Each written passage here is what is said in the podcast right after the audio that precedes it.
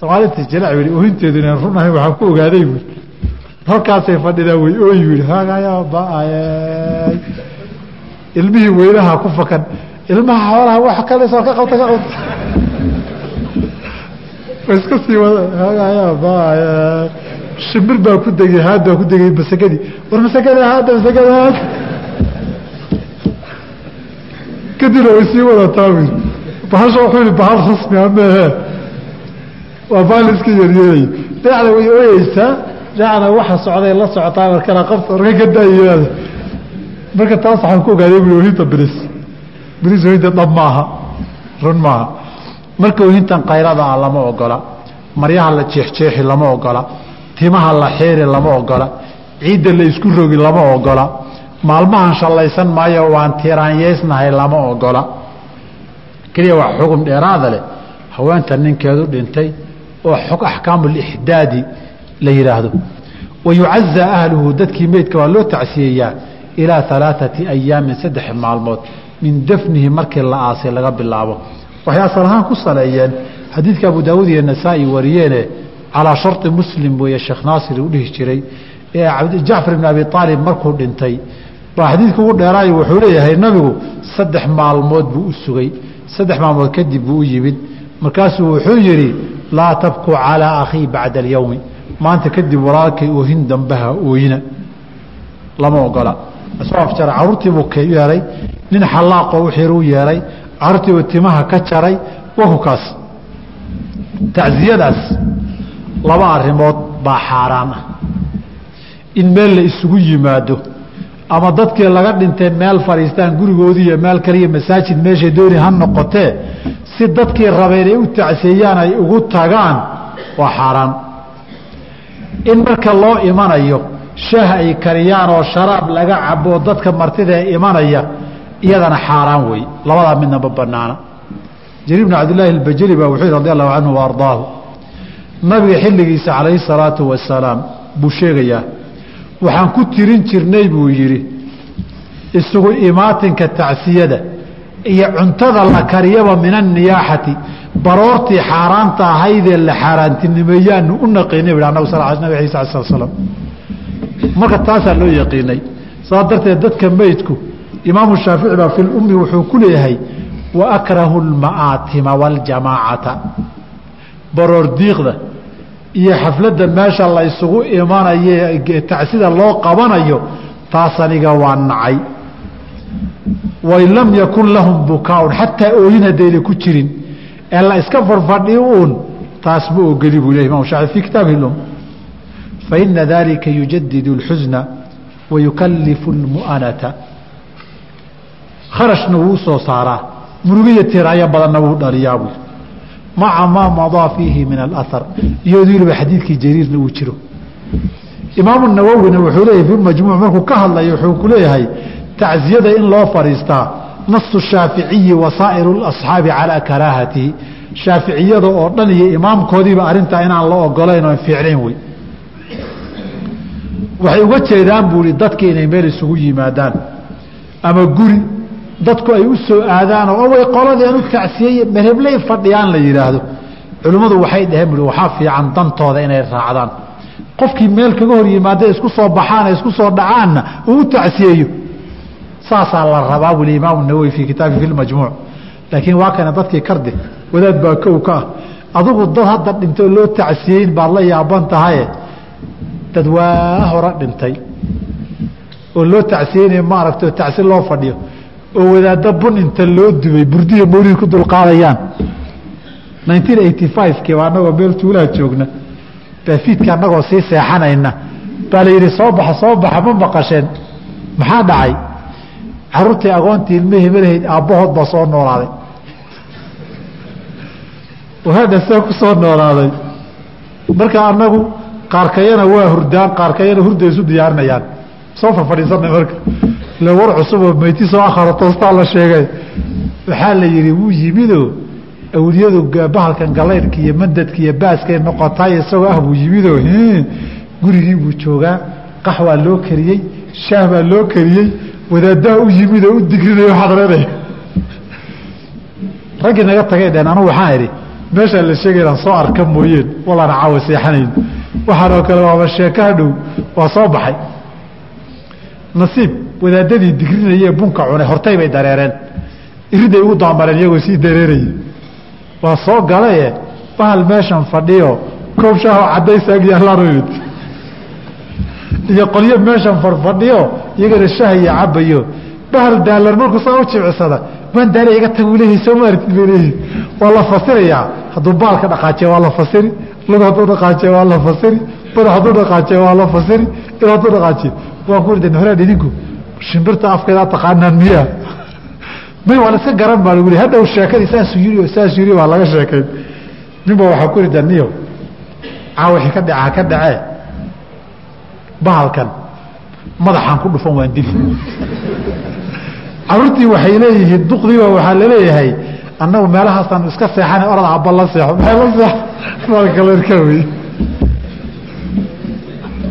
Maxay kala seexataa shiburta la seexataa. Wadaadadiina way baarikeeyeenoo way tageenoo bunkooday cunay qolana way yimaadeeno reerkiibaa meytidii baa soo akhara toostoo meeshaa la isugu imanaya. Subxii dambe nin ordayaa yimid. Waryaa bahalkaasoo niman cadaana ka gedi rabo iga soo fakadaan meelaha laygu sheegay. Kaawiliyadii soo akhara toostee bunka loo cabeeyey waa xoolo nin ka soo fakada oo baxsad ahaa wey xoolo soo dhuway oo rag leeyahay. Baa awliye loo dabaaldega laga dhiga allah mustacaan.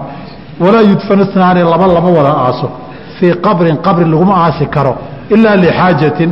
Daruuro inay timaado maahane oo meydkuna bato qubuurtii wax qodana la waayo sidii uxud nabigu yeelay sal allau alah wasalam halkaasaan ku daynaynaa. Wallahu aclam yaa wixii muhiim ah. In sha allahu tacaala leeyahay koobaad. Gabadh weeye waxay leedahay wiil baan la ballamay. Waxaan iska ogeyn inaan isguursanno. Marka hooyadiis ilama rabto miyaan ka bixi karaa ballanta. Waxaa kuu fiican ballantaa inaad kala turtoo jebiso. Waayo isaga haddaynan hooyadiiba kula rabin uma fiicna inuu ku guursado. Nin baa nabigu nin baa saxaabi u yimid. Wuxuu yihi saxaabiyow hooyadayna way soo taagan tahay anna xaaskayga waan jecla maxaan sameeyaa? Wuxuu yidhi anu xaaskaga ku furan dhihi maayo. Hooyadaa warkeeda diidna ku dhihi maayo. Laakiin waxaa nabiga ka maqlaan kuu sheegi sala allahu alah ali wasalam markaas maxaa ka maqashay? Waxaa maqlay nabigoo leh hooyadu awsatu abwaabi اljannati wey. Jannada albaabada laga gala kan ugu fiican weeye. Adugu albaabka ama dayac ma haysa wuli isaga dhaqaaqay. Ninkaa warka waxba u sheegay sowma marka de halkaa intuu kugu noqdo hadhow waalidkii waa fur injiriyo waalidka taacaysana waa waajib in lagu marmarsoodo. Mar xeeriya fandhaal kala dhaceen adigana waxba gacan kugu jira intay noqon lahayd. Meel raalli lagaaga yahay gal anigoon sutra anigoo tukanaya oo sutro ii taal baa qof baa soo maray gacantaan u taagay wuu soo jiiday waa turunturoodo waa kufay markaasuu gacanta ka jabay. Ma la ii haystaa? Hadduu dhinto xataa waxba laguma leh. Oo nabigaaba yidhi iska reeb fain abaa falyuqaatilu hala dagaalamo fainamaa huwa shayطaanu shaydaan weeye. Qaacidaduna waxaa weeye maa tarataba calaa ma'duunin falaysa bimadmuunin sharcigu faluu ku ogolyahaad samaysay waxa ka dhashay laguma haysto. Dhiiggiisa hadur wey ninkaas. Laakiin adaa lagaa raba inaad caddayso ama isagu uu qiro xaaladu saar ee u dhacday. Shahiidka. Shahiidka magobta magobta dagaalka unbaa. Ka waran ya ma goobtuu jiraa ma ma dagaalka unbaa ka waran haddii uu ku dhaawacmo kadib u nafbaxo. Dagaalkaa iyo wixii lamida ku dhimashadiisu manaasisha aakharena waa gaar. Goobtii hadduu ku dhinto ama dhaawac uusan wax sii noolaan karin kala soo tagaay daahiru shahiid baa loola dhaqmi. Laakiin dhaawac soo gaaroo muddo kadib oo xaalado maray hadduu u dhinto fuqahadeena shaaficiyadu waxay leeyihiin waa la dhaqiyo sidii amwaadii kalaa loola dhaqmi. Haddii qof dumar ah dhimato. Wax lagu kanfa oo deeqa la waayo. Ma ragga ayay la mid tahay ha de wax kanfa la waaye caws iyo waxun baa lagu dadani haddayna dadku wax u heli karin loogu dhammaystiro. Maha isagoo meyda dhashay magac ma loo bixin mase loo wanqali waa masalo khilaafiya ay fuqahadu isku hayaan oo fuqahadu qaar ka mida xanaabilada iyo qaybo kale ay leeyihiin marba afar bilood haddii uu gaaro ilmuhuna soo dhaco. Afar biloodoo naf lagu afuufana gaaray. Magac waa loo bixin qaarna wanqalkana waa loo samayn bay laakiin wax daliiloo gaar ay leedahay masaladaa garan maayo. Haddii aan iska aamuso miyaan dambaabi anigoo salaada janaasada tukanaya de faatixadii haddaadan aqrina de salaada kaama haddii aadan u ducaynina waajibkii lagu faray maadan gudanin de haddii aadan waxaad ku ducaysaba garanayninna. Masaladin baan ugu soo noqon af soomaaliya af talyaani ma ku ducayn karaayo? Wixii aan ka badbadisahayna horey u soo nirdhin ma leh. Maxay u daliishadeen maxaarimta inay salaada ka jebin. Salaada kaa jebin. Masaladan waa horaan soo marnay soo maxaarimta inay salaada kaa jebin. Kaa jebinin soo maxaarimta waxay u daliishadeen markii la istaabta ragga iyo dumarku jebinta uu jebinayo nooc shahwo kama maarta yihahdeen laakiin maxaarimta mawdicu shahwa maaho taabashadooda waa la baneeyey. Labada isqabana maxaarimta ka mid maahano de waxa isu keenayba baashaa lafteedaa ka mid ahayd bay yidhaahdeen.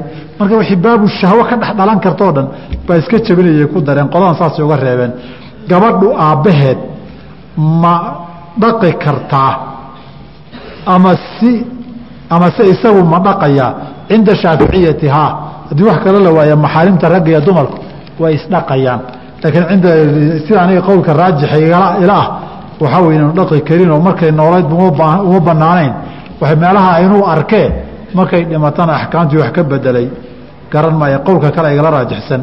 Haddii nin xaaskiisa ku furo hal dalqo haddana laba kale ma ka furmaysaa? Furmi way furmi laakiin laba isma raacaane. Marka labaadna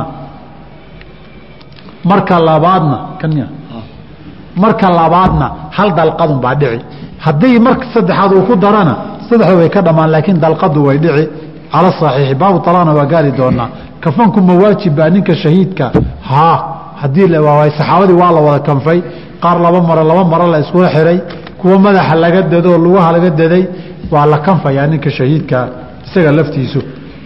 Ka waran haddii ay salaada qorax madoobaadka ay ku soo aado xilli fariidadii dhowdahay salaadaa waa la geli fariidadii inta aanay teginna iyadana in laga gaaraa la isku dayey markaa haddayna caddaani cudurdaar wey aabbahay ayaa isiiyey nin. Koow. Anigana kuma aanan qancin laba. Aabbe xaq ma u leeyahay inuu igu qasbo ninka. Maya. Hadduu ku meheriye laakiin adoon raalli ahayn meherku u asixi adigana gacan baa kuu taaganoo waan fasaqay markaad tiraahda wuu buri. Saasaa xilligii nabigu uu xukumay sal allau alah wasalam haddii aad gabar inana tahay weeye oon horay u soo guursanin. Haddaad garoob tahayna maba ku meherin kara isagoon afcad ka haynin. Anigana caasi waalideyn ma ku noqonayaa inaan ka diida ninka maya. Qofku qofkuusan qabin qasab kula noolow lama dhihi karo. Laakiin haddaad ixtiraamtana way fiican tahay. Maxayse tahay dariiqa ii fiican haddii aabbahay uu ku sii adkaysto go'aankiisa. Markuu xiraba gadaal inaad ka fasaqdood furtaa kuu fiican aadna ku doodo meherba ima hayaba ninkana xalaalu ma yihi xadiidka iyo daliilkana haddaad rabta anaa kuu qoriyo iisoo doono.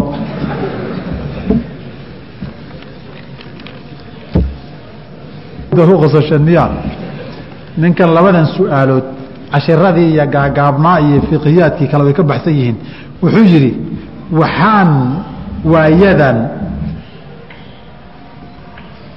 warbaahinta ka maqlaa ereyga khawaarij oo lagu tilmaamayo dad soomaali ah. Maxay yihiin khawaarij? Masalo dheer waaye. Daaifo waxaa weeye taariikh iyo dowlad ilaa hadda dowlad leh ilaa hadda dowlad bay leeyihiin waddanka kenyana way soo mareen inay xukumaan. Saciid barkhash iyo nimankii ahaaye cumaaniyiintaha cumaan hadda sultaan qaawuusan gol xubka weyn watana soo nimanka ususha khawaarijta haamaha iyo ibaadiyiintii maaha. Maxay yihiin khawaarij haddaad muxaadaro gaar ah nooga dhigi kartid jamcaha waa jeclaan lahayd nooyo baabkan haynugu faarfaahin horta khawaarij waa aa'ifo jirta waana aa'ifa munxarifa ah. Say carab ah u jirta khawaarija bay soomaali khawaarijana loo heli karaa. Si soomaali toos gaala loo heli karo oo soomaali shiicaa loo helay oo soomaali nasraania loo helay soomaali khawaarija in la helaay wade waxba diidi maysa. Laa caqlan walaa sharcan wax diidaya ma laha. Laakiin hadba dadka lagu tilmaamaya ma yihiin. Masaladaa weeye masalada in la qaadaa dhiga u baahan. Qoladase khawaarij ku tilmaamaysaay qaar ka mida muslim ma yihiin masalo kale way lafteedu tawasulka yuu ku bannaan yahay. Tawasulku wuxuu ku bannaan yahay camalkaaga saalixa ah ilahay inaad ugu tawasushaa bannaan. Ilaahaygii aan dartiisaa u sameeyey xadiidu halaaa aladiina awaahum ulgaaru soo garan maysa ilaahwgii aan dartiisaa u sameeyey aan camalkiisa saa u sameeyeyo ilaahay saa i yeel way bannaan tahay camalkaaga saalixa. Waxay ku bannaan yahoo kale tawasulku biducaai rajuli saalixi hebelow ilaahay ii bari. Ilaahay inuu ka aqbalaa laga yaabaaye ilaahay waa waxa inuu siiye ii barina. Labadaas waa ku bannaan yahay. Wixii kale baail iyo bidco wey hebel baa lagu tawasulay innaga laakiin mid baan idiin sheegi. Sheekada tawasul baa la sameeyaadu been wey waxba kama jiro. Istiqaaso wey waxaan tawasul maaha tawasulka laga hadlo ilaahayow hebel dartii u dembi dhaaf wey innaga laakiin ilaah maba la sheegaba. Ninba wuxuu yidhi soomaali baan la yaabay. Ui magaala annagoo joogna baa dagaal intuu dhacaa diyaaradana soo weerareen bui magaaladii dhannayd baa qaxday buui waxaan la yaabay wuxuu ui dadkii dhannaa ee qaxay wax ilahay le baan ka waayey awawey hebelo waxle maahani xataa gaaladu waxay ahaayeen hadday xaaladda khatartaa gaalan aalihada kale way halmaami jireeno ilaahayo way dhihi jireen. Qadiyadan sheekh cabdiqaadir ou la leeyahay tawasul maaha istiqaaso wey sheekh cabdiqaadir baa la baryey ee ilaahayow dartii nagu sii lama dhihin. Tawasul waxaa weeye ilaahu fadliga sheekh cabdiqaadir wax nagu sii weye tawasul laakiin dadka waa la khaldayaa intay istiqaaso ilaahay keyrkii baryaan bay dhahayaan tawasul weeye ninkii moodaya sheekh cabdiqaadirow iyo sheekh fulaanow iyo awogey hebelow tawasul moodayow way kaa qaldan tahay. Tawasul ilaahayow nabi maxamed fadligiisa waxaa nagu sii bijaahi muxamed calayhi salaam tay dhahan oo kaleeto wey. Ilaahu bijaahi sheekh fulaan. Xaq iyo bail waxay dooni ha noqoto waa masalo kale laakiin masaladaa istiqaafa yaan lagaaga darin. Ilaahay keyrkii la baryayo la gargaar weydiisanayo. Sheekh cabdiqaadir oo markaa tiraahdo sharcan ilaahaagu waa sheekh cabdiqaadir ilaah baad ka dhigatay. Isagaad baridood caabuday. Haddaad muslim ku sii ahaanaysa adiga kuu taallo wey. Meeshaad islaam kaga gelayso ilaahay keyrkii baan caabudiyo barya muslimna waan ahaan meeshaad diinta kaga helayso cudurdaar haddii laguu sameeyo oo jahli wax lagu daydee mushkilad maaha laakiin horta ma qaldantada waxun ma ku dhacday wey. Qolaa ka keli weynay ow hebelow waagii dambe adiladii lagu lisay lagu lisay. Waxoogay gabashay bilaabeen. Nin oday oo arki jiray baa intuu yimi wadaad wuxuu yidhi hebelow sheekh hebelow sheekh cabdiqaadir oo u leedaa ka waran waa laga fiican yahay kaasuu intu kor u dhawaqa wuxuu ku fataxun waa hore maxaa laydinka waay waa laga fiican yahay hadda waa idin soo kartay soomaha nusuustii baa idin soo kartay soomaha war nin ilaahay bari lagu baryayo isagana u dagaalamaya anigu waxa kale aan barya idaaye mushkiladu way waxaan haysta. Tawasulku waa ilaahayow hebel fadligiisa wax nagu sii ilaahw hebel dartii wax nagu sii taasaa tawasul la yidhaahdaa ee tawasul ma aha sheekh hebelow cabdiqaadirow sheekh aweysow sheekh fulaanow murjaanow hebelow baaliyaalow ma aha tawasule istiqaasa ilaah kale oo la caabuday oo la baryay weeye sharcigeenu fuqahada shaaficiyaduna sidaasay qabaan. Kutubtooda fiqigana ku qoreenoo haddii aan baabu nadri gaadhno waxaan idiin keeni doonaa nuquusha fuqahada shaaficiyada dadka qubuurta waxgeeye aw hebelowna leh inay gaalo yihiin ay sheegayaan. Baynan muslim dadkaasi ahayn. Shaaficiyaan ahayn ha ka saarta marka. Halkaasaan kaga hadli doona insha allah taala subxanaka bxamd ashhadu an la ilaha illa anta astaghfiruka wa atuubu ilayk بسم الله الرحمن الرحيم الحمد لله رب العالمين وصلى الله وسلم على رسوله الأمين وعلى آله وأصحابه أجمعين ومن تبعهم بإحسان إلى يوم الدين أما بعد waxaan soo gaarnay mualifka halka uu yihi kitaabu الzakaa zakadu waxaad ogtihiin inay tahay tiirka saddexaad ee tiirasha islaamka ee nabigu calayh salaatu wasalaam markiuu yidhi buniya alislaamu calaa khamsin. Shahaadadiiyo salaadaa laga horeysiiyey sakaduna midka saddexaad bay ahayd. Sakadu waxay salaada la wadaagtaa qofku muslimnimadiisa uu dhiiggiisu ku badbaadayo bay ka mid tahay.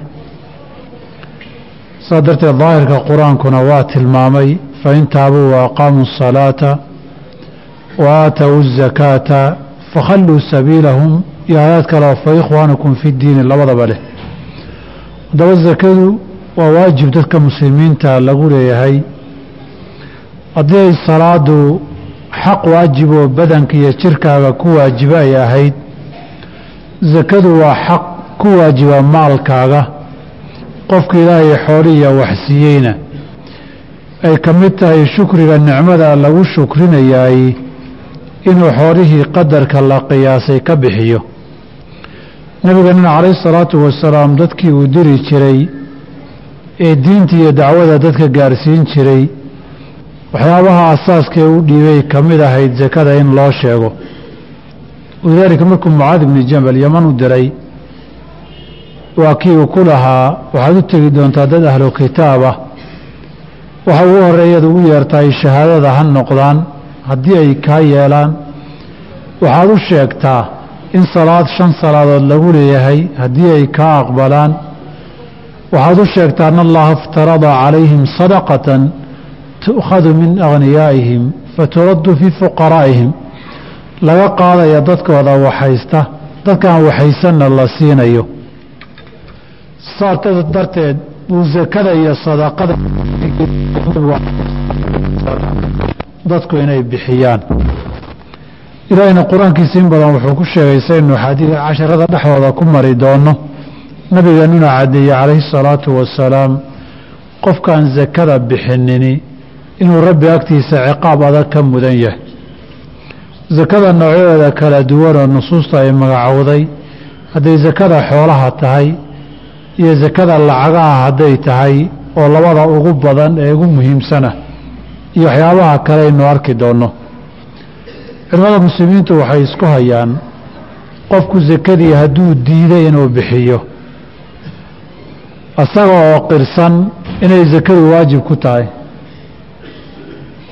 Codkaan gaarayn ma maqlayna ma aqaan.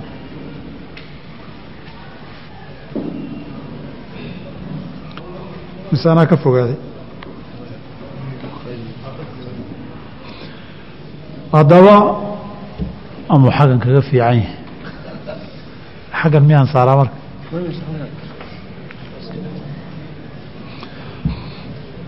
Haddaba zakadu qofku marka uu bixin waayo ciqaabka iyo cadaabka uu mudanayo bay nusuusta sharcigu in badan sheegtay. Culimmaduna waxay isku qabteen qofka sakada inuu bixiyo diiday isagoo rumaysan inay sakadu waajib ku tahay ma muslim buu sii ahaanayaa mise waa gaaloobayaa oo diinta waa ka baxayaa in lala dagaalami oo xoog iyo qasab lagaga qaadi waana masalo saxaabadu sameeyeen. Nabigana nas kaga sugan calayhi salaatu wasalaam oo uu yidhi ninkii diida fa innaa aakhiduuha wa shatra maalih iyadiina waan ka qaadaynaa.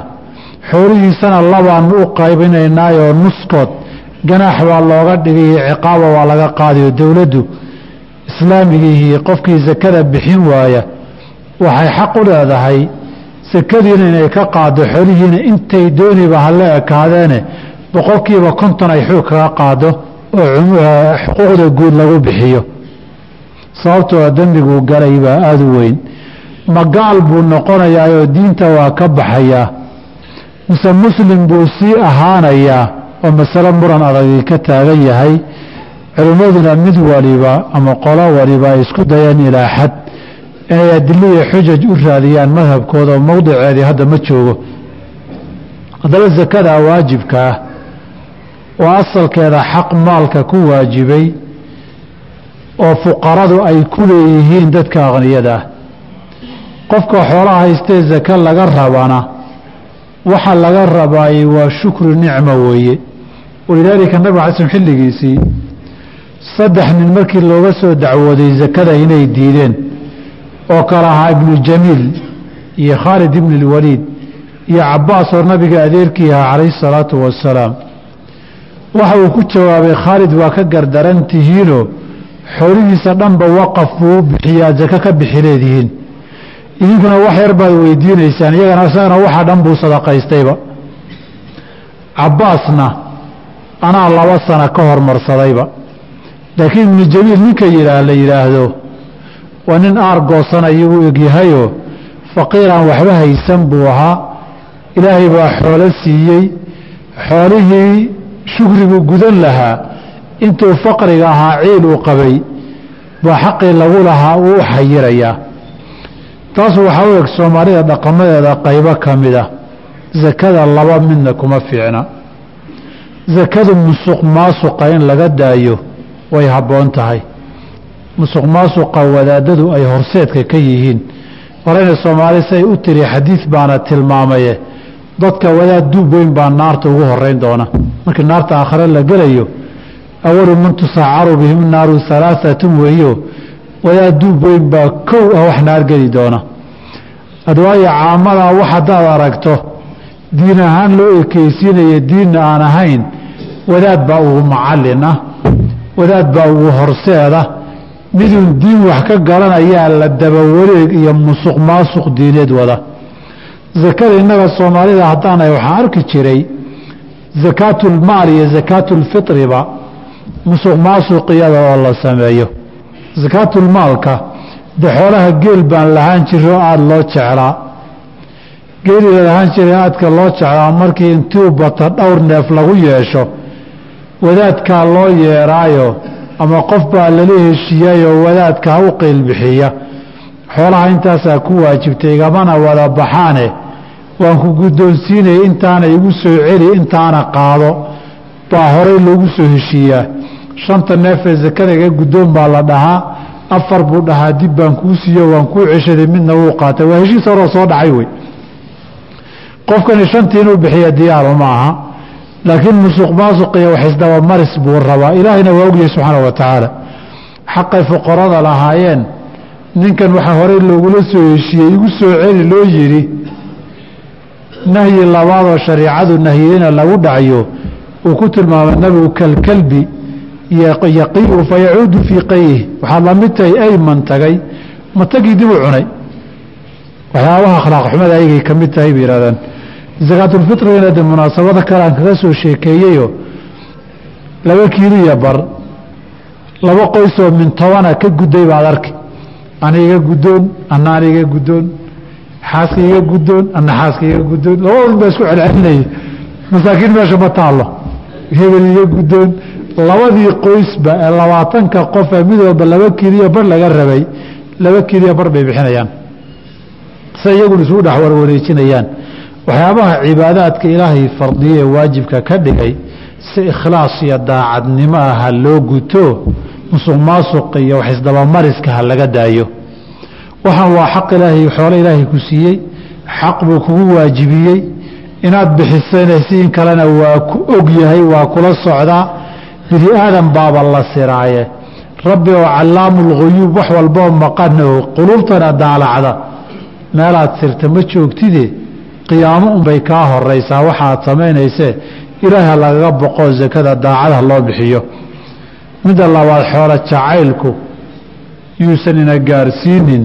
Xuquuqda rabbi inugu waajibiyee maalkeenna lagu leeyahay inaynu bixin weyno. Xoolaynu haysannaa nin lacag haysta iyo nin xoolo nool haysta iyo nin midho beereed haystaba saynu arki doonno. Xoolaha haddii jacaylkoodu kuu diidoo tiraahdo qaalintii geelahaydee la soo xiree xarigga la tumatay intayna heblaad xarig ka xaarin lahaa aniga naari hayga xaarisee siida haddaad tiraahdo. Xoolaha iyo lacagtana waa la mid. Jacaylkeedu hadduu kaa bato oo tiraahdo waxaan la yaabay. Nin lacag waa xaaraan u daayey baan la yaabay. Haddaad tiraad halka ay kaa gaarto sida uu mombaaso nagu yiri mid muslim oo hindi ahaa haddaba nin macallin ahaa ee diinta dhigi jiray. Waa la yaabay buu ku leey nin lacag waa xaaraan u daayey arrinta saas oo kaleeta jacaylka xooluhu inuu ku gaarsiiya ma aha. Saa darteed sakadu shuruud buu leeyahay qofkay ku waajibayso qaabkay u waajibaysana shuruud bay leedahay. Xoolahay ku waajibaysa waxa ay yihiin iyo shuruudoodana way leedahay qadarka lagaa rabeed bixinaysa iyo xilligaad bixinaysana shariicadu intaba way wada caddaysay. Laakiin sakadu waxay la mid tahay. Abwaabta diinta iyo shariicada iyo cibaadaadka kaley la mid tahayoo nusuustu qaarna usuusheeday caddaysay iyo furuucdeedaba. Qaarna usuusheeday caddaysay oo masaa'il ka midihi abwaabulqiyaaskii furuuculcibaadaad geli jiray bay noqotaa. Waajibtaa fii khamsati ashyaa shan bay sake ku waajibtaa xoolaha iyo maalka sakada laga rabo waa shan noocoo amwaasha ka mida bay ku waajibtaa wa hiya shantaasi almawaashi xoolaha socda weeye laba walahmaanu lacagaha weeye saddex wazuruucu midhaha la beerta weeye geedkiisi iyo midhihiisu aanay kala harin. Afar wathimaaru geedaha midhaha bixiye iyaguna lafahoodu jiraan weeye. Wa curuudu tijaarati alaabta ganacsiga iyo laga ganacsada wey. Waxna waa shuruudeeda waxna waa intani inay sake ku waajibayso amaa mawaashida iyo xooluhu waxaynu arki doonaa saddex bay kaga waajibtaa lo iyo geel iyo ari ah. Mid walbana inta ka waajibaysaa nasku caddeeyey oo sheegay. In saddexdaa asal ahaan sake ku waajibta qofkii milkiyana waa mas'alo nas iyo ijmaac ah oo nusuusteeduna ay caddahay culimmada muslimiintuna ku ijmaaceen oo isku raaceen wey xoolahaa saddexdaa culimmadu waxay isku qabteen wixii ka baxsan ee xoolihii aan la dhaqan jirin ahaa haddii la dhaqdo sake ma ku waajibtaa? Haddii la yidhaahdo geela qofku hadduu gorayo dhaqdo oo gorayo badan yeesho ama geri badan dhaqdo qiyaasan cala alibili xukunkiisii ma la siinayaa hadday dhaqan galaan oo masalo muran ka jira wey. Looda oo kaleeto waxaan baqarulwaxshiga la yidhaahdo ama bahalkan haddii careeso la soomaaliyeeyo biciidka la yidhaahdo oo kaleeto iyo xayawaanaadka haddii xoolo la dhaqdo ay noqdaan.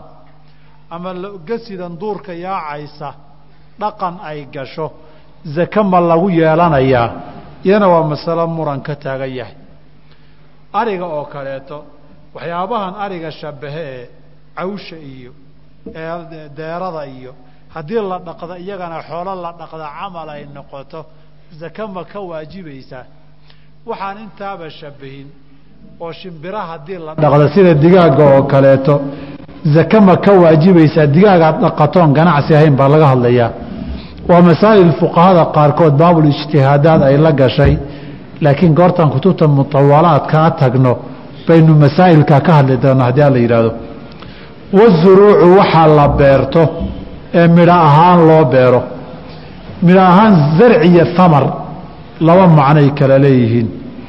Azarcu waxaa la yidhaahdaa waxa marka la beero ee uu midhaha dhalo midhihiisana la goosto geedkiisii midhaha dhaliyeyna uu baaba'o.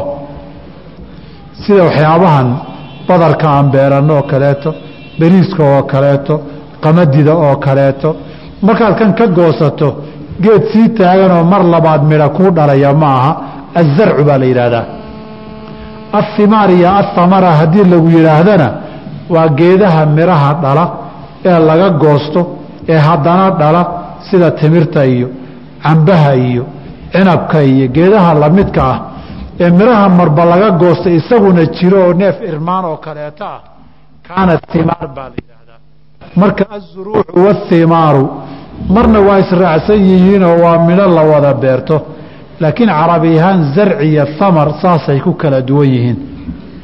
Ama zuruucda laba qamandida iyo shaciirta unbaa la sheegay nasan wax looga qiyaasan ma jiraa culimmada qaarkood waxay yidhaahdeen haa waa looga qiyaasan. Iyadana masaladaa zuruucda markaan gaarno baynu ka hadli doonaa. Waxaan ka soo boodiyay ahmaanta lacaguhu dahab iyo fiday ahaan jireen lacagaha haddaan haysanaayey xukunkoodii ma qaadanayaan iyana waa masalo ka hadal u baahanoo markaynu ahmaanta gaarnaan ka hadli doonaa. Ahimaaruna labuu nasku sheegay waa timirta iyo cinabka. Waxyaabahan kale cambaha iyo liinta iyo babayga iyo iyagana mooska iyo iyagana ma laga bixinayaa zake ma laga bixinayaa iyadana markaynu gaarna himaarta baynu insha allahu wax ka dhihi doonaa wa curuudu tijaarati alaabtan laga ganacsado ama xoola ha noqdaan ama gaadiid ha noqdo ama dhar iyo raashin ha noqdaan ama dhul ha noqdee wax laga ganacsada waxaa looga jeedaa ereygan looga jeedaaye waa wax la soo gato oo la sii gato oo marka aada soo gadanaysana ujeeddadii ay talagalkaagu uu yahay inaad sii iibiso ama meeshaa ku iibi ama meel kala gee. Hadhow haddaad isbeddesho waa gaar waxaa kala laba ah. Waxaad beecshiro u soo gadatay iyo waxaad haysasho u gadatay baa kala labaa dharka aad gadatay inaad xirato aada rabto ama aad munaasabaadka qaarkood aada isticmaashideed boorsada iyo kabarhka gashanayso aramaajada ah. Kaasi waa baab. Dharkaad dukaanka u soo gaday ee si iibiyo ka faa'iid aada leedahay kaasi waa curuudu tijaara loo yaqaanaa. Dhulka aada gadanayso haddaad leedahay hadhisatid oo degtidna dhul ganacsi ma aha. Haddaad leedahay soo gadoo sii gad isagana waa curuudu tijaaru ka mid yahay xoolaha haddaad soo gadato oo aada hortolada iyo geela inaad dhaqato xig xukunkii mawaashiday geli. Haddii aad gedisley tahay oo xoolaha waad soo gadaa suuqa gaarisaad ka soo gadaa waxoogay baad dhaqaalaysaa. Kadibna meelaha kawaanada nairobi iyo mombaasaad geysaa curuudu tijaaray geli. Curuudu tijaara waxaa la yidhaahdaa wax kasta oo la soo gadoo la sii gado. Oo markaad soo gadanaysa ku talagalkaagu yahay aad ka faa'iidid ood sii gadid hadhow inaad ka faaidid inaad ku khasaartahay waa tii rabbi qadariya say noqoto wey laakiin ku talagalkaaga hore wey masaladan curuudu tijaara baa dambe muran badani ka soo cusboonaaday oo culimmada qaari ay leeyihiin iyagoo iyagoo raacaya madhabkii daahiriyada daawudi daahiri iyo abu moxamed ibni xasmin iyo madhabkooda. Baa dambe waxaa qaatay sheekh ninka la yidhaahdo sadiiq xasan khaan iyo ilaa sheekh naasir oo tamaamulminihiisa aad aragteen inuu aada ugu doodayo curudu tijaara inaan zake lagu lahayn. Halka culimmada qaarkood ay soo guurinayaan masalada zakada wujuubkeedu curuudu tijaara inay masala ijmaac tahay. Sida taxaawi iyo ibnu cabdilbari iyo raxmat ullaahi calayhim. Oo ibnu cabdilbar dood dheer uu ka gelayo waxyaabaha adilada ay nimankaa hore daawuud ibni cali daahiri uu daliishaday ilan ibni xasm muunan u jawaabi karin ibni cabdilbari oo ibnu xasmi baa wuxuu ahaa ardadii ibni cabdilbar uu ka dambeeyey isaga. Ee wuxuu u jawaabaye la doodayo uu sheegayo waa daawuud ibni cali daahiri masalada istidkaarka aad buu uga hadlay. Hadda inta adilada sheekh naasir iyo ay sheegaanna waa un intii daawuud ibni cali daahiri uu sheegay jawaabaheedana wuu wax badan ku bixiya ibni cabdilbar. Un mas'aladaasi dhowr arrimood baa loo cuskadaa. Marka la yidhaahdo wujuubu zakaati. Mar waxaa la cuskadaa cumuumka nusuusta. Oo u baahan cumuumka wax takhsiisiya. Suuratu tawba ilahi wuxuu ku leeyahy khud min amwaalihim sadaqatan tutahiruhum watusakiihim biha.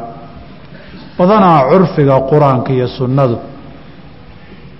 markii amwaal xoola wax laga qaadayo lafdu sadaqa la isticmaalo gaar ahaan qur'aanku haalibku waa sadaqa waajiba wey. Inama asadaqaatu lilfuqaraa'i wاlmasaakiin hadihi faraa'idu sadaqati alatii faradahaa rasuulu llahi sal sl xadidka abu bakr uu qoray anas ibni maalik. Marka waxay yihiin khud min amwaalihim sadaqatan. Ficilku waa amar. Amarkana asalku waa wujuub amwaalihimna waa nakira mucarafa bilidaafa oo waa min siyaqi اlcumuum amwaashii sadaqaha laga qaada la yidhi baa waxay leeyihiin u deliishanayaan curuudu tijaaruhu waa ka mid. Daliilu takhsiis bayna u baahan tahay. Waxay leeyihiin adilo kaleoo waxaa jirta iyaduna wixii la shaqaysto in zake lagu leeyahayah yaa ayuha aladiina aamanuu anfiquu min طayibaati maa kasabtum wa mima akhrajnaa lakum min alardi dhulkii baarihii laga beertayna zakadii la sheeg tanna la sheeg marna waxay leeyihiin sideedaba curuudu tijaara maal mustaqila maaha sidiisaba maal mustaqiloo madax bannaan maaha asalkoodu waa lacag ninka dhul ka ganacsadaay hantidiisu waa lacag xoolihiisuna lacag bay ku xisaaban yihiin. Ninka dharka ka ganacsadana xoolaha uu haysta iyo hantidiisi iyo faa'iidadiisa iyo khasaarahiisu kuma salaysna tirada dharka u yaallee lacagta ay ku fadhiyaan lacag buu wax walba ku xisaaban yahay. Marka waxay leeyihiin waxani waa lacagtii asalkiisu. Asalkii unbaana la xukumayaa oo lagu qiimeynayaa halkaana waa marayaan waxaa kaloo leeyihiin cumar iyo ibni cumar bay ka sugan tahay zakaatu curuudi tijaara. Walaa yuclamu lahum mukhaalifu min asaxaaba waa siday taxaawi ibnu cabdilbarba leeyihiin. Saxaabada laba qof oo khilaaftayna lama hayo. Amaa aahaarta la soo guuriyey waxay u qaybiyeen laba. Iyagu waxay leeyihiin waa qayb si qalada loo fasiray. Oo ibnu cabaas iyo aahaar laga soo guriyey laysa fi lcuruudi zakaatun curuudkaa waxaa loo yaqiinay waxalaalay wixii kayd iyo meel dhigasho ee ganacsigii maaha. Markaasuu wuxuu ku xoogeynayaa ibnu cabdilbar uu leeyahay dhammaan ragga erayada laga soo guuriyey. Isla iyaga laftooda dhammaan waxaa ka sugan curuudu tijaara zaka lagu leeyahay inay wada dheheen taasoo ku tusaysa lafdul curuud waxyaabahan ganacsiga ahayn inay ula jeedeen calaa kulli xaal doodoo faahfaahsan ninkii raba.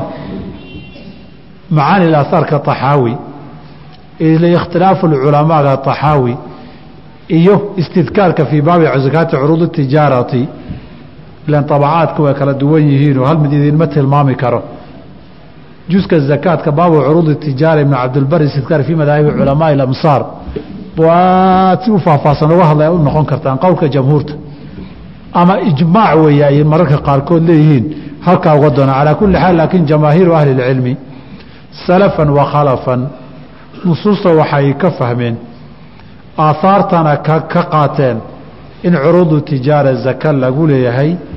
Sida zakada looga bixin baab baynu u tegi doonaa in shaa allahu tacaala. Kadib wuxuu yihi faama almawaashi xoolaha socda fatajibu zakaatu way waajibaysaa fii halaaثati ajnaasin saddex jinsi noocoo minhaa ka mida. Saddex ka miday xoolaha socda zaka ku waajibtaa wahiya saddexdii alibilu weeye geela. Iyo walbaqaru lo-da weeye iyo walghanamu ariga. Waxay asal uga dhigayaan xadiidkii anas ibni maalik ee bukhaari warinayey ee abubakar xilligiisii uu qoray radia allahu canhu wa ardaah. Uu leeyahay nabigu zakawaadka sida xoolaha looga qaadaya waatan xoolaha geela intaasaa laga rabaa looda intaasaa laga rabaa ariga intaasaa laga rabaa taas waa asaloo way deliishadeenoo waxay leeyihiin saddexdan unbaa zakada sida looga qaadaya la sheegay. Midda labaad waxay leeyihiin waxaa wax kale loo sheegi waayeyba xayawaanka intiisa kale asal ahaan xayawaan duur jooga wey. Qofkuna xayawaan duur jooga ma milkiyo oo kama xiga dadka. Si haddaba sabab zake loogu waajibiyo xoolo aan cidiba lahayn oon maaliku xaq ku waajiba sharci a lahayn maba taalla bay yidhaahdeen wagaade xoolo badanoo iyo xayawaanaad saasoo la dhaqda ma jirin. Innaga lafteennu sidii unbaan iska nahay soomaali haddaan nahayo digaagunbaa inugu soo kordhay baan u malaynayaaye xoolo nafley oo kaleeto oo la dhaqdo. Digaaggu waa qaybaha shimbirahe. Xoolo mawaashi la yidhahdoo socdoo la dhaqdo. Oon saddexda ahayn miyaan leenahay? Kolba soomaalida kuma ogeyn anugu. Haddaan meelaha qaarkood waa la tirabatae xoolo kaloo la dhaqda ayna ka soo bixin. Saddexdaas haddaba zakaa lagaa rabaa haddaad zakadooda bixin weydana aakhara waad eedi. Islaam noqotayaa iyo marka dambe fayalaa sabiilahu ima ila aljannati wa ima ila annaari lagu dhahayaa. Iyo la yiri aabasay culimmada qaar qabaan iyo saxaabadu qabeen diintaad ka baxday. Wa sharaa'iطu wujuubihaa. Zakada waajibitaankeeda shuruudda ku xiran ay xoolaha nool ku waajibtaay sitatu ashyaaa lix arrimood baa lagaa rabaa. Kow alislaamu qofku waa inuu muslim yahay. Qofku haddaanuu muslim ahayn lagaba aqbali maayo. Laba walxoriyatu qofku xor inuu yahay. Addoon hadduu yahay addoon isagaa laleeyahaye isagu waxaba ma yeeshaba. Nin la leeyahay muxuu yeelanba isagaaba addoonku fii xukmi lmaali aho. Isagoo waajibaadkii cibaadadii laga rabo. Baa haddana fii xukmi lmaali uu yahay oo isagaaba la gadi oo la iibin oo la bixin oo lagu tasarufiye isagu muxuu yeelan karaa xoolo xoolo ma yeeshaan. Ma addoonkaa laga hadlayaay. Waa addoonka la yidhaahdo addoonka khaaliska ah wey addoonka nusnuska ah maaha walmilku taamu milki dhammaystiran xoolahan adugu inaad leedahay wey lafdigan in milki taama fuqahadu cumuuman waa isku raacsan yihiin laakiin tafsiirkiisay qolaba madhabkooda la aadaan shaaficiyadu laba arrimood bay badanaa uga jeedaan marka la leeyahay milki taama waa inuu leeyahay waxaa ku baxaya dadka milkigoodu naaqiska yahay milkiga naaqiskaa fuqahada shaaficiyadu baabu riqi keliyay ku fasiraan. Ninka addoonka ah laba noocoo ka mid a addoonkii adu aad lahayd haddaad xoolo siiso xoolihiina ay tarmaan oy bataan zake ma lagu leeyahay waxay dhaheen maya. Lianna waa xoolo xoolo la siiyeyoo labadoodaba isaga iyo xoolihiisaba ninbaa isla wada leh. Marka milkigiisu milki dhammaystiranba ma ahano awood ahliye uu wax ku milkiyooo dhammaystiran maba lahaba addoonkana labaadna nooca labaadna waa addoonka mukaatabka la yidhaahdo isoo fiirfiirinaysaan addoonkaad la yaabadihin baan u addoonka mukaatabka la yidhaahdo weeye. Mukaatabku waxaa weeye xoolo intaa dhan haddaad keento waad xor baa tahay ilaahay uu yihi fakaatibuuhum in calimtum fiihim khayran. Xoolo intaa leegii kan haddaad xor baa tahay maalinka aad tiraahdee haye uu ku yidhaahdo wixii uu shaqaysta ma faragelin kartid. Milkiga xoolaha uu leeyahay taam maaha ma dhammaystirna. Maxaa yeelay hadduu isagu ku yar adkaato xoolihii inuu dhammaystiro ilaaniya heshiiskii waan ka noqday addoon la wada leeyahay isaga iyo xoolihiisuu noqon marka milkigiisu weli madax banaani rasmi a ma lahano isna intuu dooniba xoolaha ururiye zaka laguma laha. Marka saa darteed abwaabu zakaad oo dhan markay wax waajibayaan alxoriyatu waa shardi kuu yaalla marka. Amaa addoonku addoonsigu ma xuma wuu fiican yahay. Laakiin waa markii wejkiisii sharciga ahaa iyo ariiqiisii sharciga ahaa la maro addoonsiguna ma aha qof xuquuqdii in lagu tuntay ma aha waa qof la ixtiraamo oo la dhaqaaleeyo oo la qadariyo wey. Laakiin xukum sharci ah baa qoorta u galayoo munaasabad iyo sabab buu ku yimid.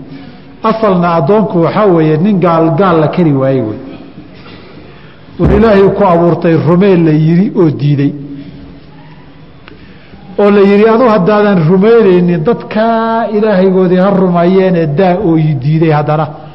Oo yidhi anigu rumayn maayo iyaguna ilaahooda rumayn maayaan caabudi maayaan. Wareedha rabbigaa caabud yeeli maayo. Ma diiday adugu haa taada ku ekow dadku rabbigooda caabudaanee daa yeeli maayo. Waan kaa iska celinaynaa inaan dhintaan diyaaru ahoon dagaalamo si aan dadkan ilaahay addoomma inay u noqdaan uga hor istaago baan diyaar u ahay inaan ku dhinto. Ninka inuu dhintuba diyaar u ahay. Haddii la qabtay waxaa la yidhi haddaba ninkan ilaahay addoommadiisii addoonnimadoodii ka hor istaagay. Isaga haddii la qabto kuwa ilaahay addoonnimadiisa ogolaa addoon ha looga dhiga marka. Arrin fududa sahlo wey wax adag maaha laakiin reer galbeedku baa inaga badbadiyeyo mukaamaan dhagaha wada taagayna? Gaar ahaan afrikaan haddaan nahay waa la gumaystay iyo carab baa addoonsata iyo caddaan baa gumaystay si laynoo lahaa addoonnimadii waan ka didnayba laakiin xuquuqdii ay addoommadu lahaayeen shaqaalaha shirkadihii warshaduhu maanta ma laha. Addoommadu xuquuqda ay sharciga islaamku leeyihiin. Xuquuqda iyo xaqdhowrka iyo mucaamilka wanaagsan iyo tixgelinta ay sharciga ku leeyihiin warshadahaad ka shaqaysaanna kuma haysataan. Iskuulladaad ardayda ka tihiinna kuma haysataan. Wasaaradahaad u shaqaysataan iyo dowladna kuma haysataan. Waxna waa qadiyadda xuquuqda waxna tan waxaa la rabaa in la tuso. Ninku hadduu addoonnimadii ilaahay diiday addoommadii ilaahay inay addoon rabbigood u noqdaanna diiday inuu dhinto dhiig u daadiyana diyaar u noqday isagoo iska nooloo la dhaqaalaynaya intii ilaahay addoonnimadiisa rabtee dhiiggooda u hurtay bal adu addoon u tahay arrin fiican oo qurux badan wey weliba. Dadka laakiin si kalaa loo addoonsadaaye tii sharciga ahaydun baa la dhaleeceeyey oo la ceebeeyey marka waxba hala yaabina marar badan hadday soo noqoto waxaan leeyahay dhegtaa wada taagaysaan addoonsigu addoonsigu shubha iyo shaki baa laydinku wada beeray ama telefishon ama wax la qoray ama aad dugsiyo iskuullo. Waxoogay dhegta laysaga soo guray bay dadku qabaan. Sidabana islaamka waxaad ogaataan markii wax la sheeg islaamka waxaa qaba islaamku sama muxuu yidhi lagama bilaabo. Maxaa ka xun wey maxaa ka qaldan adaa wax kaa qaldan yahay wax islaamku sheega waa sax maxaa dhiba? Waxay ku dhahay islaamku xoog buu ku fiday. Xoog buu ku fiday haa maxaa dhiba? Hanti wadaaggii xoog baad ku fidinaysaan ceebu ma aragtaan. Dimuqraadiyadna xoog baad ku fidinaysaan ceebu ma aragtaan. Islaamku xoog buu ku fiday maxaa ceeb ka dhigay? Horta adu maxaabad u carari od waxaad ceeb ugu arkay? Ma run baa mise waa been haynoo dambayso? Laakiin dimuqraadiyaddaan fidinayna adduunkan gaarsiinayna soo umam hadda looma weerarayo. Kii dadka saa u leynaya baabiinaya wa ku islaamku xoog buu ku fiday. Hadday ceeb tahay horta xoog wax lagu fidiyo aduu horta jooji. Mabda kastaba quwadiiyo awood caqabadaha ka hor qaada waa u baahan yahay. Taa un baa ina islaamku wixi jiray. Yaana ku dheeraanina wanisaabu qadarkay ku zaka galayaan baa nisaab la yidhaahdaa. In ay xooluhu zaka ku galaan waa in ay gaaraan. Xooluhu shilinka u horreeya ku soo kala zake ka bixi laguma laha. Neefka u horeeyee xoolo eed yeelatana zake ka bixi laguma laha. Nisaab qadar bay ku gaaraan. Geelu shan neef buu ku gaaraa dib baanan ugu tegi doonaa. Looduna soddon bay ku gaartaa waana u tegi doonaa. Adhiguna afartan buu ku gaaraa waana u tegi doonaa. Faahfaahinteeda looda iyo geela iyo adhiga mid walba fasal gaara lagaga hadli doonaa insha allahu tacaala. Waalxawlu waa in sanad soo wareego. Xilligii ay nisaabka xooluhu gaareen nool waa in sanad ka soo wareega markaasaad wax bixin. Geeluu shan markuu gaaray baa kow la dhihi maalintaa maalinteeda sanadka dambaa marka la gaaro wey looduna soddon maalinkay gaartay aniguna afartan gaaray. Maalinkaa maalinkeedoo sanadka damba ah xawlka la yidhaahdaa shardigan amwaalu zakaadku ma wadaagaan. Qayb aan nisaa xawl shardi ahayn baa jirta. Amaa xawlku inuu shardi yahay oo xadiidka abu daawuud wariyey ee xasanka ahaa nabigu sala allahu calayhi wasalama uu lahaa maalka zaka laguma laha xataa yaxuula calayhi alxawlu. Ilaa sanad ka soo wareego zaka laguguma laha la yihi wey haddaba zakadu maxay bilaabataa wakti waktigaa sanad markuu ka soo wareegana waa la bixiyaa. Oo shantii neefay geel ahayd iyo wixii ka badnaa sida la soo sheegi doonaad uga zaka bixin loodii iyo geelii iyo arigiiba. Wasawmu xoolahan inay foofaan baa iyana shardi ah. Xoolo iyagu foofo oo daaqa oo duurkaa soo qaraabtoo cunto ka raadsada waa inay yihiin. Halkaa waxaa ku baxaya laba xoolahii aan bannaan u foofin ee guri iyo xero lagu calfiye lagu quudiyo. Zaka laguma laha kuwaas. Laba nooc bay noqon karaan. Midna mawaashidoo dhan baa wadaagta. Oo nabigu alay slam faraa'idu sadaqa markuu ka hadlahayey arigana nas buu sheegay kuwa kalena waa looga qiyaastay. Ariga wuxuu yidhi fii saa'imati wa fi lghanami fii saa'imatiha ariga. Ka foofa ka guriga lagu qooliya ma aha. Afartankii neefba neef baa laga rabaa. Halkaa waxaa laga gartay ariga guriga lagu calfiyo inaan zako lagu lahayn. Lo-duna waa la mid geeluna waa la mid haddaba xoolaha nool waa inay xoolo iyagu lugahooda ku daaq doonta. Ha la raaco. Aagag xidhan ha la geeyo haddii la rabo. Laakiin xoolo daaqa cuntada ama lugahooda ku raadsada waa inay yihiin. Kolaba xoolaha xoolo reer galbeed ma aha. Xoolaha reer galbeedku meel bay ku jiraanoo. Waxaa dadku cunaa la siiyaa. Hilibkaa loo shiidaa burkaa la siiyaa cuntadaa la siiyaa waa loo dhaamiyaa. Haddii xoolaha xoolo neef guri lagu qooliyo uu yahay ama xoolaha qayb ka midihi meel gaara lagu nafaqeeyo aanay foofin zako laguma laha. Xadiidkii faraa'idu sadaqa riwaayadka qaarkii waxay sheegeen oo saxiixa iyagana shardi kale oo xilligaa lo-da u badnaa laakiin laga yaabo geelana meelaha qaarkood inuu galo ma filayo geela soomaalida ma aha geela carabtaa noqon kara. Looda baa nabigu wuxuu yidhi walaysa fi lcawaamili shay-un. Tan lagu shaqaysto waxba laguma laha zakaa waxaa looga jeedaa bay leeyihiin loodu beeraha lagu qodaa. Oo beertaa lagu falaa halka cagaftay ahaan jirtay. Cagaftii dadkii hore ama ilaa hadda dadka qaarkii cagafta beeraha u fashaay waa lo iyo dibi weeye kuwaa zake ma lagu leeyahay hadday badan yihiin oon beero badan leeyahay ama haddaan lo kala leeyahay kan ma lagu dari maya.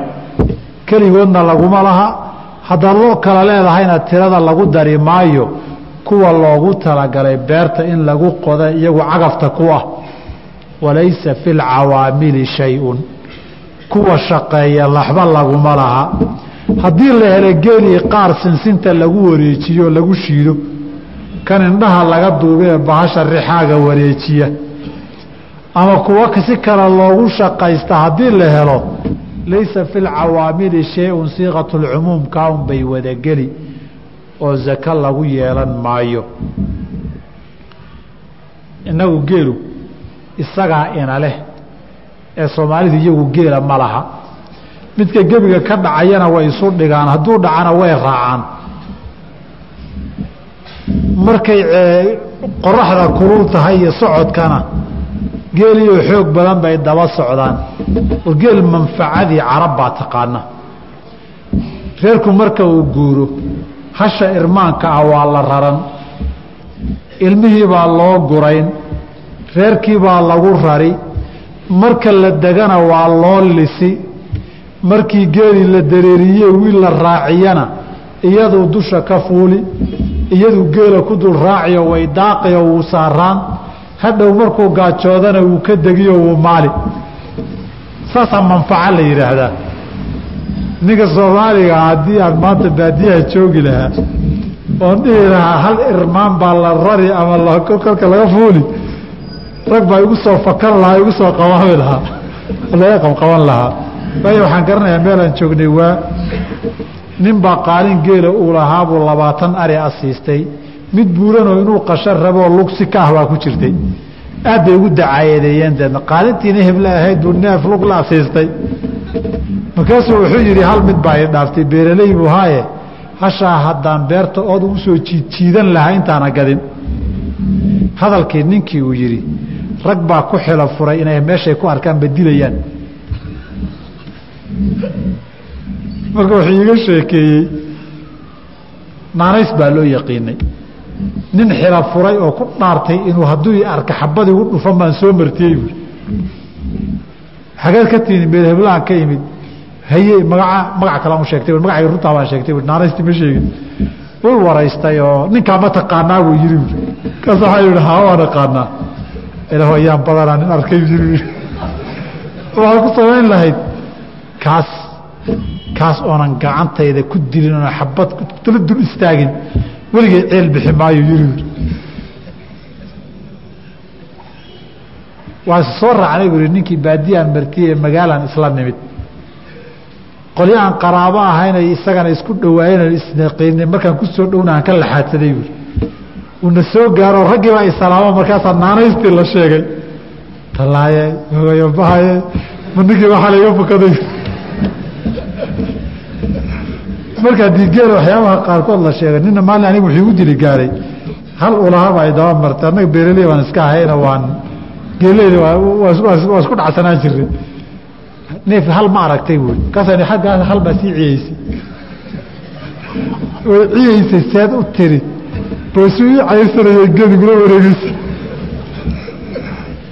isagoo gari weyn wata. Waliyaa hal baa ciyeysay bui gaalka gaalku dhalay buu leeyahy marka inagu geela isagaa inalehe inagu berihin marka geelu geelaas ma aha laga hadlayo.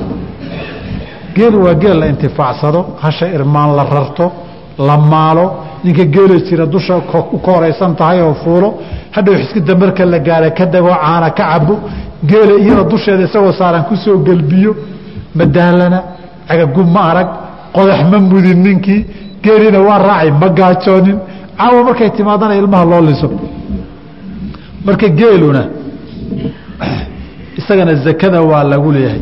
Haddii laakiin geel lagu xamaasha laga dhigo wax lagu jiidjiidooo sinsinta lagu shiitoo shaqo kaara lagu qabsado ama guri lagu calfiyo isna zaka laguma laha. Ama alasmaanu lacagaha fa shay-aani laba weeye. Addahabu waalfidatu dahabka iyo fidada lacaguhu sideedaba lacag. Waxaa la yidhaahdaa saddex qodob baa aasaasu ah waxa lacag la yidhaahdo. Maxaa lacag la dhahaa marka la yidhaahdo? Saddexda qodob midka koowaadi waxay yidhaahdeen waa wax